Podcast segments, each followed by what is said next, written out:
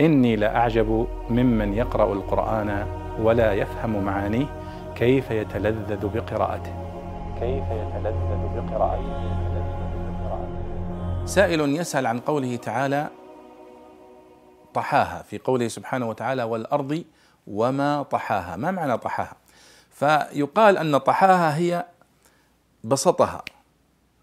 ويقولون أن الانبساط الشيء بسبب الضغط عليه يقال له طحو. يعني طح الشيء إذا بسطه. لكنه انبساط ناتج عن ضغط. ولذلك يعني يقال أن الأرض اليوم يعني كون الأرض كروية هو المعنى المناسب لقوله سبحانه وتعالى والأرض وما طحاها. والله أعلم.